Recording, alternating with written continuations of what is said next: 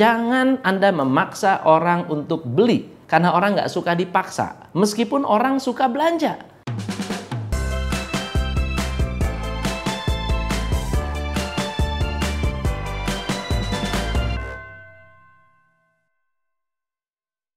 Hai, saya Tom MC Flip, founder Top Coach Indonesia.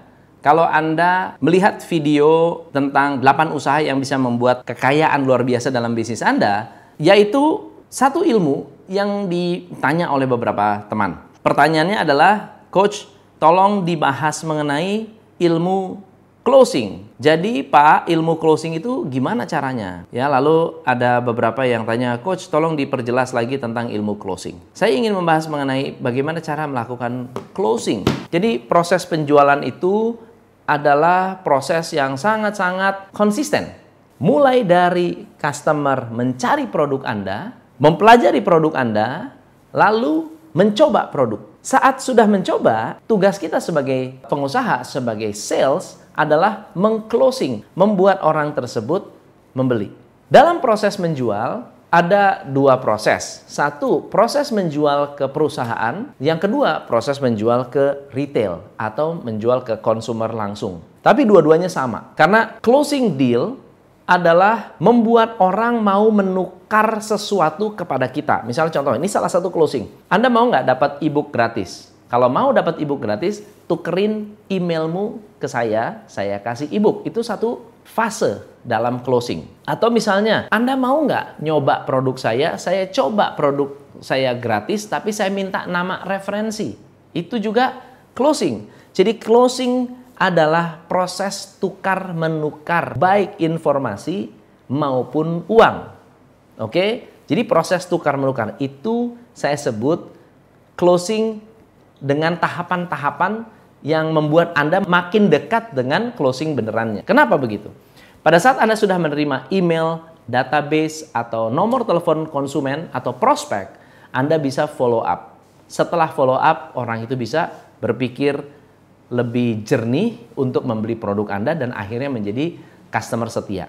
Yang kedua, untuk membuat closing Anda sukses, saya memberikan saran Anda harus memiliki yang disebut closing rules. Apa itu closing rule? Sebuah proses di mana Anda berpikir waktu Anda closing zaman dulu, itu waktu closing itu sukses banget tuh kayak apa?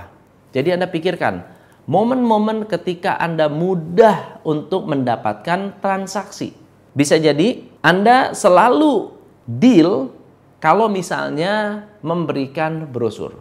Atau Anda selalu deal kalau dealingnya di cafe anda selalu deal kalau orangnya datang ke kantor. Nah, apa closing rules Anda?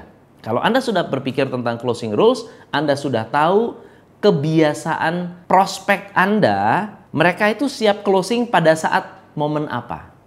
Ya, kalau datang ke outlet langsung closing nggak?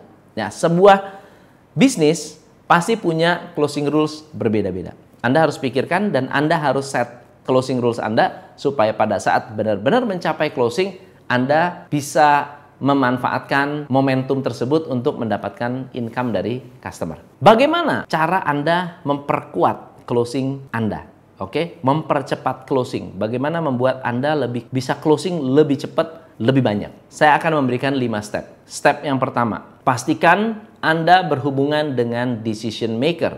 Pastikan Anda berhubungan dengan orang yang bisa ambil keputusan. Berapa banyak dari kita ketika kita ketemu prospek, ternyata prospek itu tidak bisa ambil keputusan. Kenapa? Karena bukan dia yang memutuskan. Tanya anak dulu, tanya istri dulu, tanya suami dulu, tanya tetangga dulu, atau tanya orang tua dulu, tanya atasan dulu. Berarti orang itu bukan pengambil keputusan. Step yang kedua, jangan pernah memaksa, tetapi mengedukasi. Berapa banyak salesman yang gagal dan akhirnya tidak mau di follow up lagi? Saya salesman, saya maksa Anda, saya telepon Anda, Anda bilang nggak mau ah, saya mau di reject teleponnya atau bahkan di block. Kenapa? Karena Anda dikenal tukang maksa. Anda nggak boleh maksa, Anda harus mengedukasi. Tunjukkan ketulusan bahwa Anda ingin membantu, bukan ingin mengambil uang customer. Ya, tunjukkan, Pak, saya ini pengen bantu. Ya, saya mau edukasi, saya memberikan masukan. Dan edukasi tidak selalu harus face to face. Bisa jadi Anda memberikan brosur, bisa Anda memberikan video, bisa Anda memberikan presentasi, dan seterusnya. Jadi jangan Anda memaksa orang untuk beli, karena orang nggak suka dipaksa. Meskipun orang suka belanja, tapi tetap nggak suka dipaksa untuk beli. Yang ketiga, buat jembatan antara keinginan dengan kebutuhan.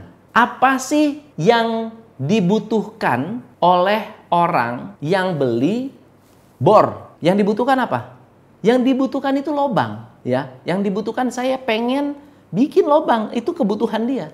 Ya, yang dia inginkan apa? Alat yang bisa membuat lobang dengan mudah. Oke, ada banyak cara untuk bikin lobang. Ya, ada paku bisa bikin lobang. Ada bor bisa. Atau Anda korek-korek bisa. Jadi macam-macam cara, betul ya? Nah, pertanyaannya adalah bagaimana cara Anda menjual kebutuhan dengan cara menggali keinginan. Jual kebutuhannya, tapi gali inginnya apa sih? Oh, inginnya bor yang mudah, inginnya bor yang kecil, inginnya bor yang tebal, inginnya bor yang bervariasi, dan seterusnya. Yang keempat, Anda harus mengatasi keberatan. Kalau misalnya ada orang yang bilang, waduh pak, barangnya mahal ya, Anda mau jawabnya bagaimana? Gimana cara Anda menjawab kalau ada orang bilang hargamu mahal? Atau ada yang bilang gini, Pak, saya belum butuh pak. Nah, kalau belum butuh, Anda mau jawabnya gimana? Atau ada yang bilang begini, Pak, saya mau sih beli, cuma jangan sekarang ya. Kenapa? Saya harus tanya istri saya dulu. Nah, cara jawabnya bagaimana?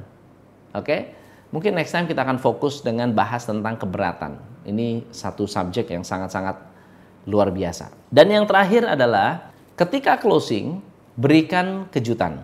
Ya, kalau Anda di restoran, Mas, Mas minta bill, berarti close kan, ditutup setelah dapat bill, jangan hanya ngasih bill. Anda kasih bill dengan permen. Ya, kasih bill dengan voucher. Kasih bill dengan mungkin Anda kasih ekstra dessert.